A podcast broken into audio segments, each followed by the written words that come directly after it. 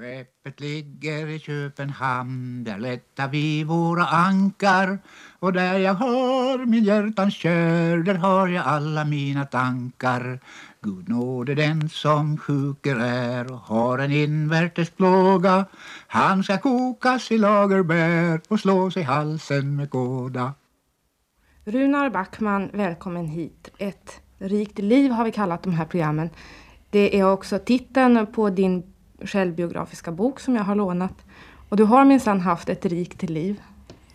Ja, det kan man väl säga. Eh, icke minst eh, de olika, med tanke på de olika områden och nivåer där det förunnats mig att tjäna inom vår kyrka. Eh, det gäller både geografiskt, arbetsmässigt och också det som nu efter pensioneringen har inträffat. Kök är en central punkt i din tillvaro, inte bara i din punkt utan eh, inte bara i ditt liv utan också i din hustrus liv. Och du är på Kökar nu för vilken gång i ordningen? Ja, det är tredje gången. Och det har bara blivit så. När eh, jag flyttade från Vård till köket så var det två Vårdfiskare eh, med sina båtar som, fyllde mina, som förde mina möbler och annat över till köket. När vi närmade oss holmarna utanför köket så var en till där vårdbon sa att det var ju hemskt, inte ens vårdfåren skulle trivas här och nu ska en präst börja bo bland de här stenholmarna. Och då blev det någonting som blev början till en livslång eh, gemenskap, icke minst med folket men också med bygden. Och så underligt egentligen, en bondpojke från Österbotten, rena eh, torra bondlandet, man knappast har sett vatten annat, annat än i brunn.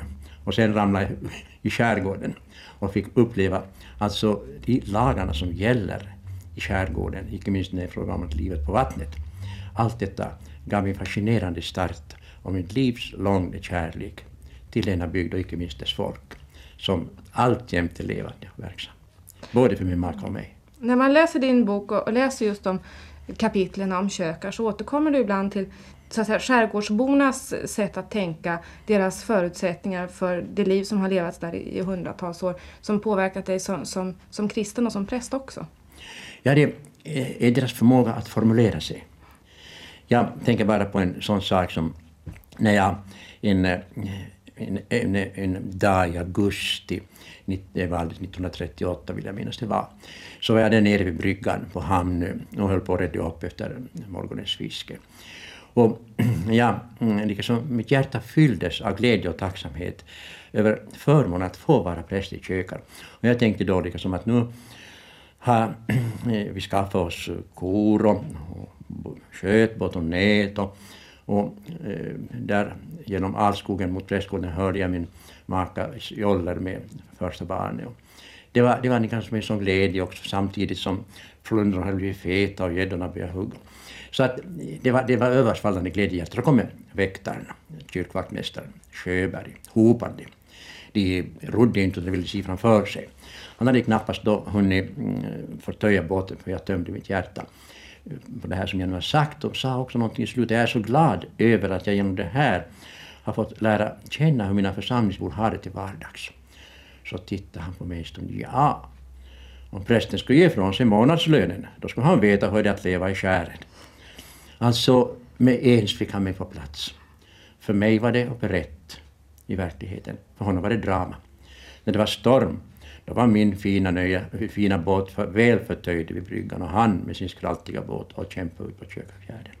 Och där fick jag en erfarenhet som har hjälpt mig i själavården många, många gånger. Är det låtsasproblem eller verkliga? För mig var det lite låtsasproblem fast jag trodde att det var verkliga. Runar Backman föddes den 6 oktober 1910 i Såkaby i Karleby, Österbotten.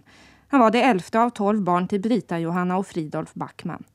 Hushållet var stort, inte bara den egna familjen levde under samma tak utan även släktingar. Och gemenskapen över generationsgränsen har betytt mycket för Runar Backman. Hemmet var varmt religiöst och la tidigt grunden för vad som senare skulle bli hans livsgärning inom kyrkan. Bland annat också hade han utöver det här som omfattar alla, hela husfolket, också en, en andaktsstund ibland, i synnerhet på lördagskvällarna, i sängkammaren. Och det var det eh, bön på knä. Och min första, mitt första minne av denna form av religionsutövning var att jag som treåring hade svårt att hålla mig stilla, så jag började krypa omkring och kittla mina syskon i knävecken. Men ingen ni sparkade gjorde mig illa eftersom allt, allt var bra. Men det där tillsammans, det var nog atmosfären som också ett litet barn inregistrerade, blev påverkade av. En öppenhet, ingenting att tjat och detta att eh, religionen fungerar eh, på ett enkelt, normalt, vardagligt sätt också i arbetet. Och en mycket stark personlig upplevelse, jag tror att jag var kanske sådär åtta eller nio år, när det var mm, och eh, åskväder lite, vi ska ta, ta in torrt hö, och åskväder lite, lite skynda på. Och i det där hände någonting att eh, den där hemgjorda släpan gick sönder och, och pappa blev arg och började svära och vannas och slå hästen. Och det blev en tryckande tystnad över alla. Eh, regnet kom och tog mycket hö. Vi, eh, vi gav oss tysta hem. Och så vid eh, den vanliga bönestunden så, så var det en stilla undran hur skulle det nu bli. Och så minns jag att pappa han började med att säga ungefär så här. Ni märkte nog alla vilken dålig kristen jag var där ute på Höängen idag. Så får inte en kristen egentligen vara. Vill ni förlåta mig? Och när jag tittade mig omkring så märkte jag hur allas ögon liksom var fyllda av tårar som ett uttryck för att förlåtelsen liksom dallra i luften där hemma. Och sen följde jag med pappa på kvällen till stallet. Och då var det en mycket intressant syn som jag fick vara med om, fick se där. Att han tog dubbelt mera mjöl i, i, i kvällsmaten, sörpan åt hästen. Och så sen när han hade lagt det där krubban framför så gick han in smekte hästen på mulen. Och, och bonden och hästen såg på varandra. För mig har det blivit liksom ett minne av som om ens kyrkans valv var där på ett osynligt sätt. Ty där förlåtelsen är, där är liv och salighet, har Luther sagt. Intresset för böcker var mycket tidigt starkt hos Runa Backman. I hemmet fanns det inte många böcker, så istället blev det biblioteken som försåg honom framförallt med historiska skildringar. Under läroverkstiden så tog han delvis avstånd från den religiösa övertygelsen. Men efter tonårens tvivelsperiod återfann han sin tro som var grundmurad sedan barndomen. 1936 blev ett viktigt år i många avseenden. I början av november prästvigdes Runar Backman, men innan dess reste han på stipendieresa till Tyskland där han bland annat upplevde olympiaden i Berlin och Hitlers nazistpropaganda. Nog skulle man vara utrustad med mycket mm, stark förmåga att genomskåda om man inte skulle falla för denna massiva eh, propaganda, skickligt upplagt och, och storartat. Och, och, och framförallt tyskarnas egen glädje över att äntligen ha ordning och reda i samhället. Det var kanske det som gjorde det starkaste intrycket. Mm. Så att därigenom så eh, tog man ett visst intryck. Men det är alldeles uppenbart att eh, när man sedan, eh, jag minns speciellt eh, besök i en familj i Hannover. Det var en eh, son i huset som också var teolog. Och han gav då uh, vissa inside information om, insidesinformationer om, uh, da, om läge. Han vågade tala öppet när vi var tillsammans. Och då hade han uh, kommit underfund med nog vissa saker som var bra att jag blev informerad om. Mm som inte var enbart positiva, utan han hade ju också genomskådat eh, begynnande eh, sidor, i synnerhet då mot eh, minoriteter, judeförföljelse och sånt. Som jag fick då lika som en viss motvikt till den här massiva positiva propagandan genom att besöka i, i det där hemmet i Hannover. Som var till gagn för, för mig att kritiskt betrakta synpunkter som kom i fortsättningen. Det var ju inte så många som 1936 visste vad som egentligen hände, i synnerhet inte tyskar överlag. Stämmer. 1936 är ett annat viktigt år tror jag, för att då börjar din Hulda maka Annie figurera mera på allvar så att säga i ditt liv. Mm, jo, det kan man säga. Eh, det var så särskilt att jag, fick ett, stipendium, ett stipendium och, och då köpte jag mig nya skor. Det var en stor händelse också det i en fattig students liv. Och, och det där ledde till ett skarsår som eh, fick eh, farliga följder eftersom jag måste ta mig in på sjukhus. Det började sen det där växa framåt det där som en röd rand på Och eh, så en morgon så kommer då en sköterska med medicin. Och när jag såg henne i dörröppningen då, då hände det. Det sa klick. då. Och eh, så ringde jag till henne några dagar efter det att jag var utskriven. Och mm, hon kom. Och det var början då till mm, det som var en, en, av mycket avgörande betydelse för att det blev ett rikt liv. Mm. Det är alldeles uppenbart. 1936 är ett annat ett viktigt år i många avseenden för att just i november 1936, alldeles i dagarna faktiskt, så ja, firar du 50-årsjubileum som präst. Ja, det, det är också en sak som man så där i förbifarten blir påmind om just i början av november. Och det är ju inte på ett sätt någonting extra utan det är många präster som har fått leva så länge att de har fått eh, uppleva 50-årsdagen av prästvigningen. Men det som jag tycker är anledning till stor tacksamhet att jag på den, 50 år efter prästvigningen ännu får tjäna som präst och att eh, Herren har givit mig de krafter som behövs för att ännu bjuda till eh, vid behov, i synnerhet nu när det är prästbrist. Och det är ju så underligt, eller bara blev så, att eh, nu, eh, längtan till kökar är bara som en levande verklighet, både hos min maka och mig. Det berodde säkert på, liksom, den uppgift som mötte oss när vi kom 1937 dit. Det bemötande som vi fick av människorna där, när de märkte att vi inte hörde till den sorten som flyttade efter en viss mm. begränsad tid. Vi skapade oss då tre kor, sex får och sen båt, nät och sköta dem, plantera äppelträd, körsbärsträd och det var potatisland och, eh, på hamnen just där. Så där, där ingenting egentligen annat naturliga ängar fanns före. Och när de iakttog detta så då märkte jag att de kommer att stanna här.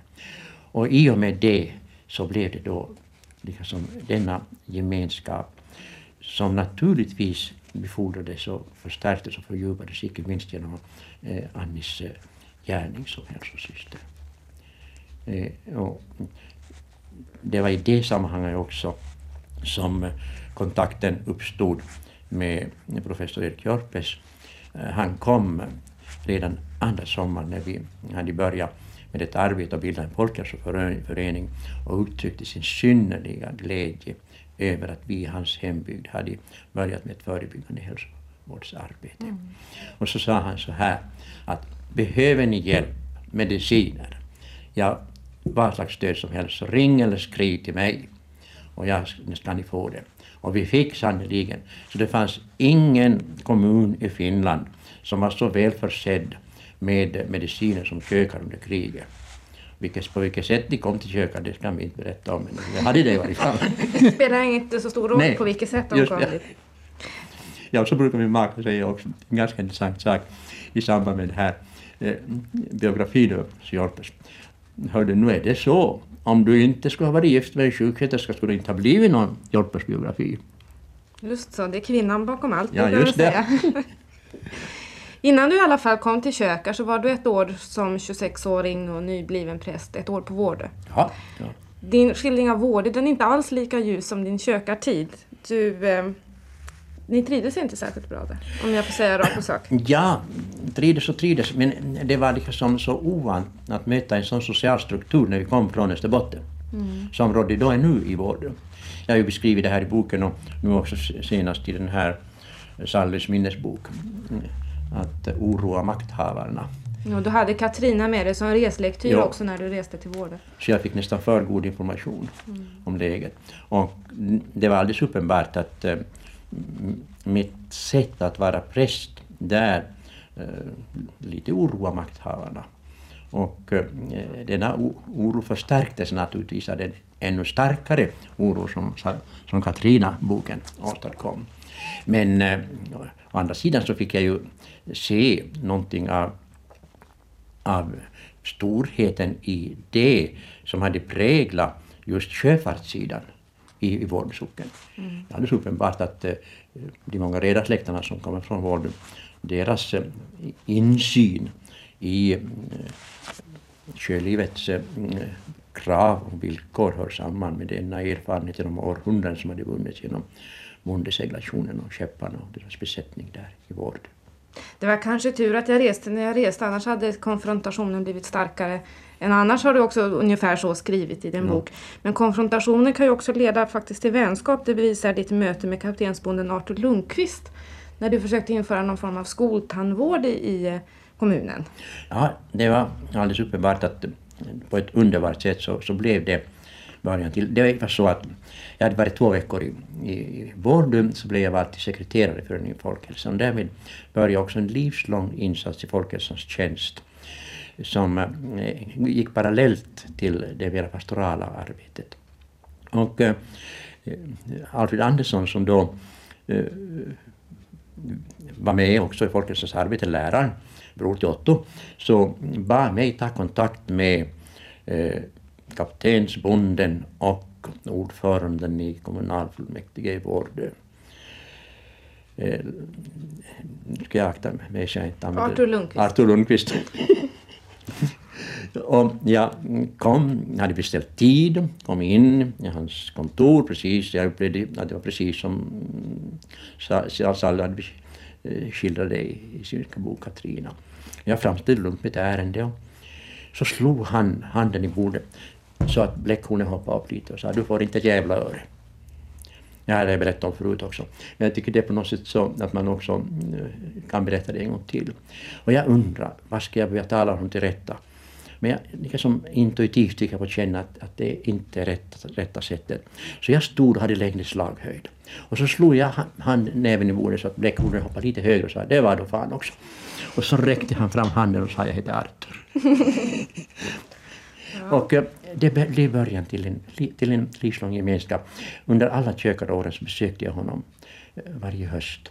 Och mm, jag fick skåda in i en rikt utrustad personlighet som kämpade sig fram till en eh, tro. Och när Runar sen vandrade hem ifrån sitt besök med Artur Lundqvist så insåg han att egentligen var det här ingalunda någon fråga om pengar utan helt enkelt en liten test på hur den nya prästen, vilken styrka han hade och vilken ryggrad. Ja, mitt samtal med Runar Backman blev mycket längre än så här och vi ska återkomma med minnen bland annat från kökartiden och inte minst tala om vad han gjorde under den tid mellan åren 1946 och 1973 som paret Annie och Runar Backman var ifrån Åland. På hösten 1910 föddes Runar Backman i Såkaby i Österbotten. I november 26 år senare steg han som nybliven präst i land på Vårdö. Det är alltså 50-årsjubileum nu för prästen Backman och han är fortfarande aktiv. Nu gör han och hustrun Annie-Maria sin tredje prästtid på Kökar som blivit en central och viktig punkt i paret Backmans liv. Perioden på Vårdö blev kort, ungefär ett år. Främst var det de oerhörda sociala skillnaderna som Runar Backman tog illa vid sig av och att bryta mönstret var svårt trots ihärdiga försök. Som reselektyr till Vårdö hade Runar Sally Salminens nyutkomna roman Katrina och den gjorde starkt intryck. Under tiden på Vårdö blev Runar deprimerad. Det var en följd delvis av den sociala miljön men också osäkerheten inför det nya ämbetet som nybliven 26-årig präst. Det var ändå mm, eh, något säreget att eh, i höstmörkret komma från prästvigningen ut till en skärgårdsförsamling med, då med 1200 eh, medlemmar. Och att med ens ställas inför uppgifterna som man inte hade egentligen någon erfarenhet av. Till exempel det första dopet så var det ungefär så att jag måste fråga råd att, att hur ska det gå till? och sedan Eh, allting egentligen. Vara ordförande i kyrkofullmäktige och med mera sådant. Eh, men framför allt eh, bristerna i den, att, att liksom, leda den personliga själavården. Det var nog det som kanske gjorde, det, gjorde sig mest påmint och skapade någonting av depressions i, inom mig. Men jag fann ju en lösning på det här och det var det att jag hade under studietiden fått särskilt god kontakt med professorn i kyrkohistoria, Ernst Newman. Och eh, jag uppsökte honom och det samtal som vi hade när jag berättade om mitt läge så, så kom, lyssnade han först när jag tömde mitt hjärta. Och sen sa han så här om mitt tillstånd att jag kände mig i nöd inför mitt ämbete. Han kom fram och klappade mig på axeln och sa ”Kär vän med skånska bryt. Var glad så länge du har nöd för ditt ämbete. Så det var en befriad ung präst som kom tillbaks till Vårdu och hade fått ny frimodighet också att tampas med den sociala problematiken. Jag tror att kanske man måste ha upplevt en sån här situation själv för att kunna gå vidare och hjälpa andra sen, vilket du har gjort under hela din gärning. Ja, det är alldeles uppenbart att det här var en, en mycket väsentlig punkt i mitt liv. Kanske den, en av de viktigaste i ditt ämbete. Alldeles uppenbart. Mm.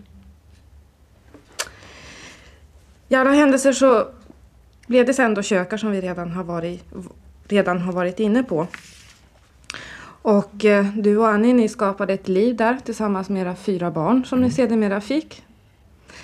Eh, skärgårdslivet blev en kunskap för livet har du ju också sagt flera gånger. Och du fick möta många olika människor, inte minst smugglarna på Köka.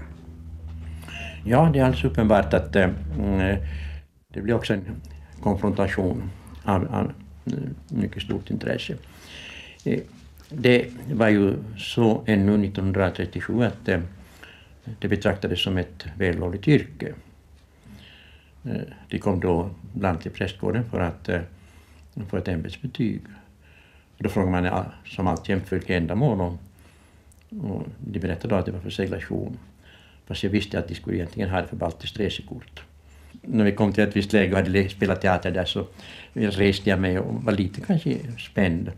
Så att jag tycker inte att det är onödigt att vi som fullvuxna karlar ska eh, leka teater. Att ni ska eh, till Estland efter sprit och ha baltiskt resekort. Ja! Så kom vi på sanningens grund och då blev det en helt annan atmosfär. När jag träffade dem sen, eller var på väg att möta dem på hösten senare, men de hade alltid anledning att söka sig bort från vägen. Men vid söndagsskolans julfest så var de där alla. Och så mm, frågade jag dem hur gick det, så nu gick det bra. Sen eh, senare på vintern så blev det eh, dop. Och det räckte alltid sex timmar, en timme från sex till tolv. Och sedan var det sån vinter när det inte var någon is och de förde hem mig till hamnen med, sina snabb, med sin snabba, snabbgående båt. Vi hade knappast kommit in i starta resan förrän de började tömma sina, sina hjärtan och berätta vilket hemskt liv det är att vara smugglare. Och på, efter det här nattliga samtalet så blev de de allra bästa vänner. Och vid avskedsmåltiden 1946 efter gudstjänsten vid en fullsatt kyrka så eh, var det inte att ta miste på att både hos mig och hos dem var nog våra ögon tårfyllda när vi sa adjö till varandra. Du och din hustru blev på många olika sätt motorer i det samhället på kökar i många avseenden. Ett, eh, jag tänker på en sak som väl inte var så där jättepopulär till en början var att ni såg till att sjöbevakningen kom till Kökar. Ni samlade också, försök, började att eh, samla pengar till att bygga en väg till Hamnö och, eh, och då det här förebyggande hälsovårdsarbetet också som Annie hade drivit. Det är klart att, att vi förstod ju ganska snart att, att för att få resultat, inte liksom, så måste man ta det hårt i. Mm. Och vid det första större allmänna möte som Föreningen Folkhälsan i Kökar anordnade på Hälso Österbygge skola så hade vi tillsammans skrivit, arbetat fram ett föredrag som, som Annie då läste upp där. Och nu märkte vi nog att eh, eh kökaborna eh, var nog upprörda. Ungefär när det var fråga om att ge dem råd hur de skulle använda grönsaker i kosten och sådana saker. Alltså, Ska de här österbottningarna komma hit och lära oss sådana matvanor som har varit här i hundratals år? Och eh, mm, sedan så hörde vi efteråt att det var präglade sin formulering att det är så tungt att leva i skären. När mm, på söndagen så skäller prästen i kyrkan och på vardagen så skäller prästen hemma. och eh, det är ju alldeles uppenbart att, att det var en tid, men den, den var inte länge när de märkte vad det hela syftade till. Den här spänningen den kom fram också i samband med det här att eh, ja, kom underfund med att sjöbevakningen hade försökt få hyra mm, något hus för att få till stånd en fast station eller arrendera eller köpa någon tomt för att bygga en fast station, men det hade förvägrats dem. Och det fanns på Prästgårdens vind Eh, ett rum, och det såg ut som ett större rum. Och då anskaffade jag med egna medel eh, breder och tegelstenar och allt som behövdes för det här. Och sjöbevakningsfolk utförde arbetet. Och sen eh, hyrdes det här då åt sjöbevakningen. Så det kunde vistas året om på kökar. Och det där ledde naturligtvis till ett motdrag som jag beundrar, Det var mycket intelligent. Att det spriddes ut ett rykte att det var en störande faktor i konfirmandundervisningen. Kontraktsprosten eh, fick väl höra om det här, så han eh, hade ju planerat en så kallad ekonomisk besiktning 1939 men gjorde det redan 1938 för att komma underfund med hur det stod till riktigt. Eh, när han märkte sen, när han hade ett enskilt möte med kyrkorådet, enskilt med mig, vad det handlade om, så sa han, ja, han vill lägga ner den här saken. Men fanns det då ingen möjlighet att förverkliga det här eh, lagenligt, svarade jag, det skulle ha varit värre att ta upp det och sen få back i de kyrkliga organen att kunna förverkliga det hela. Ja, ja, ja. Så, så det var okej okay sen? Men sen, nu är det underligt här i världen. Alltså kan du tänka dig att från 1938 ända till 1967 när den första bilfärjan Eh, kom igång så fanns det på Kökar två järnbåtar som stod till befolkningens förfogande. Och de otaliga eh, tillfällen så hade det hjälpt till nödläge med sjuktransporter och till och med varutransporter. Så att eh, här är någonting ologiskt välsignat. att från en lagstridig åtgärd så växer det fram mycket gott för en hel bygd. Mm. Om jag säger huken er grabbar, nu laddar han om. Ja, det där är mycket intressant. Det, det har mött mig, vet du, den där, den där eh, uttalandet i många olika sammanhang. Bland annat vid ett finskt prästmöte i Pieksämäki där jag var vidtalad som föreläsare. Så, så var det en, kollega som kom fram till mig och, och så där försynt frågade att, att stämmer det verkligen det där? Att det är väl fruktansvärt. Hur kommer sig det här uttrycket då som du är förknippad med? 1939 så var det Eh, julotta i kökar. Och eh, då hade ju vinterkriget brutit ut. Det var mörklagt, men mitt under gudstjänsten så kommer eh, den här mm, vakten som fanns i klockstapeln för att eh, följa med flyg, fientligt flyg, rusande in i kyrkan och sa bombplan är på väg. Det hade ju ute i skärgården också bevakning. Och mm, jag var då mitt i, inne i julpredikan. Eh, första reflektionen var att jag också gick, men jag kom bara halvvägs ner så, så, så förstod jag att nej, nu ska jag vara på min plats på predikstolen för att det inte ska bli panik. Och lyckades då liksom lugna människorna så de kom ut i dörren utan att det blev trängsel. Och mm, det var den tiden ännu när soldaterna i Finland trodde att man kunde eh, påverka ryska bombplan med militärgeväret. Så de ställde sig då i på olika ställen. Och det var speciellt en soldat som var där i, utanför sakristian som jag gick fram till och frågade hur känns det att, att eh, sikta på människor en julmorgon? Så han prövade själv och gav gevär åt mig. Och eh, det här eh, läget så inregistrerades av upplysningsofficeren då som var med också, råkade vara med ute på köket då i truppförbandet här. Och han berättade om det här. Och, och det började det hela. Och, och sedan då naturligtvis eh, så skarvar man i det, det där eh, Duneos och sen blev det en hörna. Under den här tiden också småningom sen då krigstiden och, och sådär så, eller efter kriget så var det ju dags att flytta. Ja. Och en orsak till det var helt enkelt att eh, barnen började bli så stora att de skulle börja gå i skolan. Och det var lite besvärligt.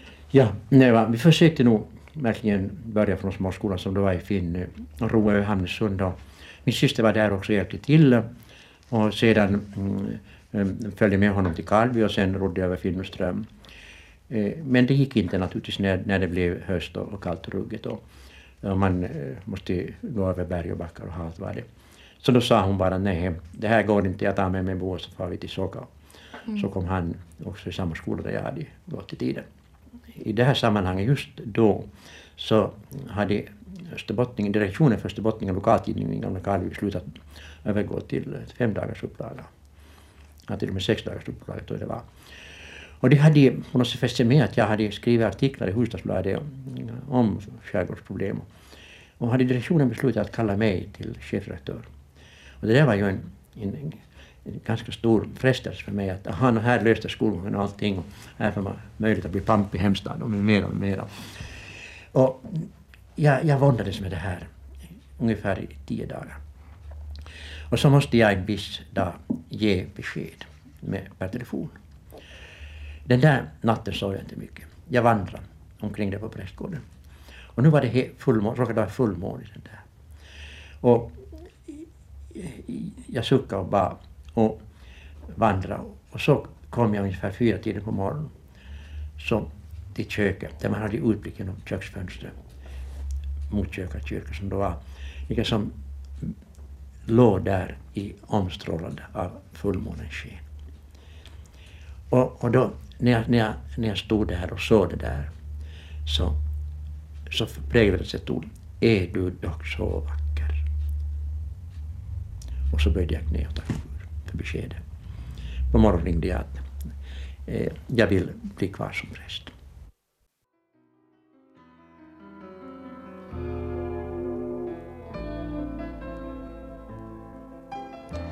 Det var barnens skolgång som avgjorde att Runar och Annie Backman beslöt sig för att 1946 lämna Åland och söka för andra uppdrag. Och vad som hände fram till 1973 då de återvände är kanske inte så känt för dem som inte läst Runars självbiografiska bok Ett rikt liv. Jag vill citera ett par rader ur boken som i ett nötskal sammanfattar Runar Backmans gärning och i synnerhet under åren i riket. Redan under präståren på Kökar gjorde min aktiva natur det omöjligt för mig att hålla mig innanför de stramt hållna själavårdande gränserna. Hela lokalsamhället framstod som en del av gudsrikesarbetet. Runar Backman flyttade hem till Österbotten och Jakobstads församling, men tiden där blev kort. Hösten 1948 flyttade familjen till Grankulla utanför Helsingfors. En ny tjänst väntade som sekreterare vid Förbundet för svenskt församlingsarbete. Och nu startar en intressant och som sagt för många kanske en okänd period. Runar blev chefredaktör för Församlingsbladet 1952. Tidningen var konkursfärdig. Och vi har Runar att tacka för att radiogudstjänster, morgon och kvällsandakter numera görs runt om hela landet. Och att det blev ett nordiskt samarbete om att tv-sända gudstjänster från de olika länderna. Runar fortsatte också arbetet inom folkhälsan och var med och startade de första äktenskapsrådgivningsbyråerna i landet. Och behovet efter kriget var stort. När eh, eh, jag kom till Jakobstad då 1946 så hade Föreningen Folkhälsan meddelat till professor Röman som var ordförande i Folkhälsan där att nu kommer det en präst i Jakobstad som har jobbat bra i Folkhälsan. Och han, professor Öhman var genast över mig och jag blev då ordförande för den Folkhälsan i Jakobstad och fick då vara med och också starta det första heldags dag, dag, dagvården där. Och eh, sedan eh, från den första Eh, korta besöket som, mm, som präst i, i Jakobstad så blev jag då mm, direktor för, för Samlingsförbundet och fick då ansvaret för radion och alla de här sakerna. Och också där så mm, gällde det att finna former att hjälpa unga familjer i synnerhet som under krigstiden hade gift, gift sig kanske utan sådana stora förberedelser och tankar. Och sen i, fred, i, den i den besvärliga, tunga tiden som följde efter kriget så var det många unga familjer som var, hade stora problem. Och skilsmässofrekvensen ökade hela tiden och det var fråga om om man på något sätt kunde hjälpa. Och då tog församlingsförbundets styrelse upp den här frågan och eh, jag var en, eh, hade ett, ett uppdrag i, i Tölö inom församling där. Och jag, på vägen till, till bussen, vi bodde ute i Grankulla, så blev det eh, regn när jag sökte mig en portgång och efter en stund kom syster Rakel in i samma portgång. Och så berättade jag att vi har eh, planerat för, i mm, församlingsförbundet att eh, försöka få till stånd någon äktenskapsrådgivning. Ja men det har vi också i samband med folkhälsan. Ja, men vi kan ju slå ihop våra påsar då. Och det gjorde vi.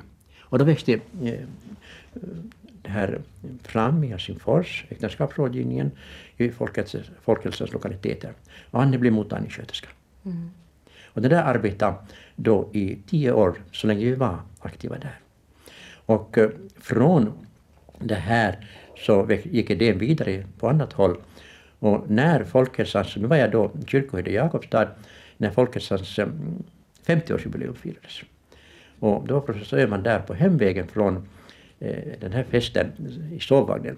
Då åkte man ännu med sovvagn och inte flög. Så, så sa han, hörru du, när du har varit med och startat äktenskapsrådet i Helsingfors, nu behövs det samma sak i Österbotten. Och det ledde sen till just äktenskapsrådgivning i Österbotten med mottagning både i Jakobstad och i Vasa. Jag var sen ordförande i, i direktionen för det här under alla åren från det start till, tills vi sen 1973 lämnade det. Och där var också Annie sköterska.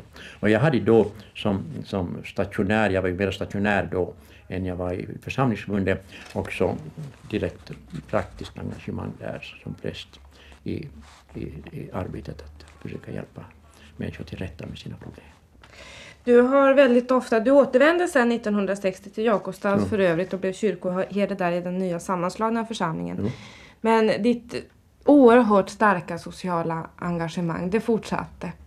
Och du har skrivit så här i din bok, om jag får citera ja. dig. Att redan under prästtiden Redan under präståren på Köka gjorde min aktiva natur det omöjligt för mig att hålla mig innanför de stramt själavårdande gränserna. Hela lokalsamhället framstod som en del av Gudsrikesarbetet.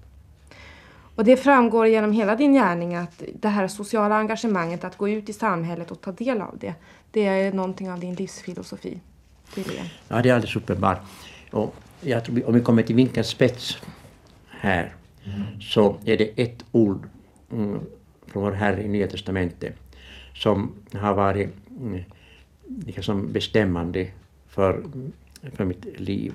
Och det är jag har icke kommit för att bliva tjänad utan för att tjäna. Och det är alldeles uppenbart att när han, vår Herre, tillägger det så har det en alldeles särskild tyngd och dignitet och ger sitt liv till lösen för många. Men eh, när det är fråga om prästens gärning är det att satsa sitt liv för så många som möjligt. Och hjälpa dem att finna hjälpen i problemsituationer. Du eh, såg till att skapa någon form av som kallas för sockendagar uppe i Österbotten. Det är för att inflyttade skulle få bättre kontakt med varandra. De som flyttade från landsbygden och in till stan till exempel. Det var en arbetsgrupp då som bestod av tre eh, kvinnor och två män som var inflyttade från en viss socken. Som fick i uppdrag hela ansvaret för att ordna den här saken. Men de hade liksom mm, med, det, var medgivet att de fick vända sig när som helst. Det var inte att störa prästen när de frågade råd hur de skulle lägga upp det här. Och det här visade sig svara mot ett uppenbart behov just den tiden. Så att eh, mm, just dessa nyinflyttade fick dels möta varandra i stadsmiljö, dels kontakt med församlingen och samtidigt så var programmet att de hade ordnat besök av kyrkoherden i sin hemförsamling, kommunalfullmäktigeordförande och kyrkokören från hemförsamlingen var på och prägla programmet i Jakobstad just den söndagen som var vårdagen eller Oravajsdagen eller Terrierdagen eller och så vidare. Och det där så höll vi, ja, jag vet inte hur många vi höll det här. Eh, det är alldeles uppenbart att det hjälpte till i den situationen som rådde just efter kriget och med den stora inflyttningen till människorna att finna varandra. Eh, som var en självklar i byn på landet, men behövde en hjälp för att fungera i stadssammanhang. Där kan vi ju dra en parallell till de trivselaftnar som nu föreslås i Mariehamn. där inflyttade ska kunna lära känna Åland och sin, ja. sin nya stad mycket bättre. Och där har man ju bråkat en del om vem det är som ska ta ansvaret för det. Kanske kyrkan skulle kunna ta ett visst ansvar. Ja, åtminstone fungerar det här. Jag, jag vet att det har varit en kökarafton och en breddafton här för några år sedan. Och med mycket stor framgång vad jag har kunnat inregistrera. Mm. Du har också engagerat dig hemskt mycket i mentalvården. Eh, att eh, vara med och delta i de här terapigrupperna som uppstår vid Roparnäs sjukhus i Vasa. det var så att uh, utskrivningen av patienterna från mentalsjukhuset började ske tidigare och tidigare och idag är det ju så att de försöker minska tiden på anstalt så länge som möjligt för att de inte ska bli hospitaliserade, alltså bundna vid anstalten. Och i den här själavården som normalt ägde rum i församlingen så visade det sig att eh, de utskrivna hade behov utav eh, att få tala med någon och kanske upprepa samma sak flera gånger, flera besök. Ja, I det där läget så förstod jag att det behövde vara ett arbetsteam, en grupp. Och då var det eh, dåvarande kaplanen Sven Domars och diakonissan Berta Petell som åtog sig det här arbetet i samråd med eh, ledningen för Österbottens mentalsjukhus i Vasa. Och mm, då fick de först utbildning eh, i Vasa hur de hade lagt upp en terapigrupp där.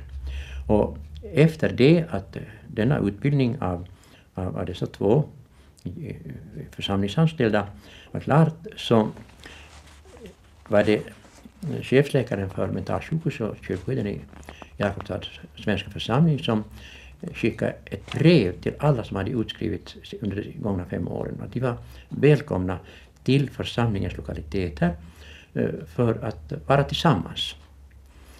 Och det där fungerade. Det kom stor grupp. Och där var då, denna sköttes då av kaplanen och diakonissan.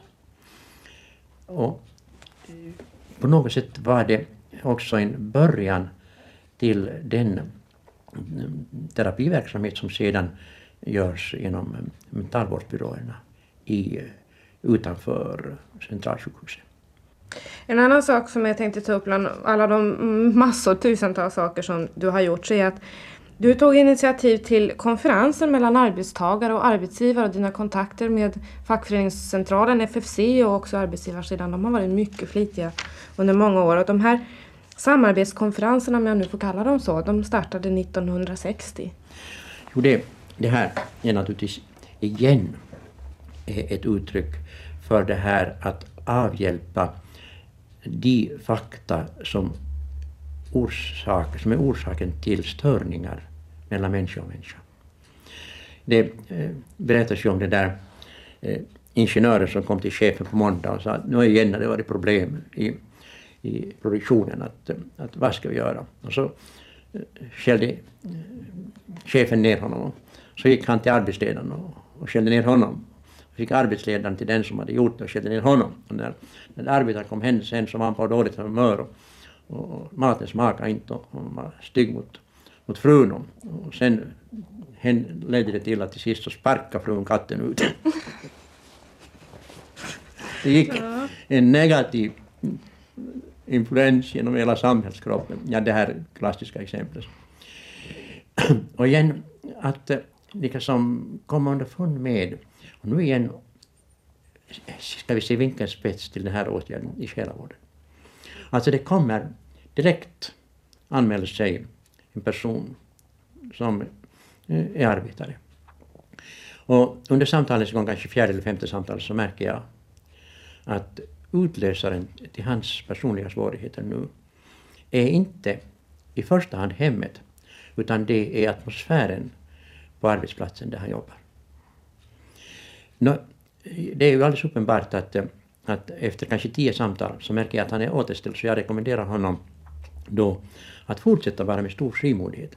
Men om det inte sker någon förändring eh, i atmosfären på arbetsplatsen så är det en tidsfråga när han kommer tillbaks igen. Mm. Och hur skulle vi då få till stånd en förändring? Ja, det eh, växte då fram den här tanken att bjuda representanter för de olika nivåerna i arbetslivet och eh, i, först i samråd med representanter för dessa diskutera vad ska vi samtala om. Så att eh, de personer som var i det praktiska arbetet själv fick vara med och planera verksamheten. Det var en mycket viktig princip. Och på det sättet så fick man eh, inte sådana problem som vi präster hade i bakfickan och som kanske var nog vettiga i för sig. Men då fick vi de aktuella problemen. Mm.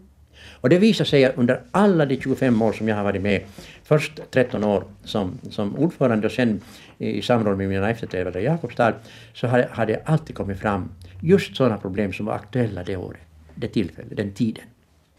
De här årliga konferenserna blev så framgångsrika att man senare startade med tätare lunchmöten och även gemensamma veckoslutsmöten.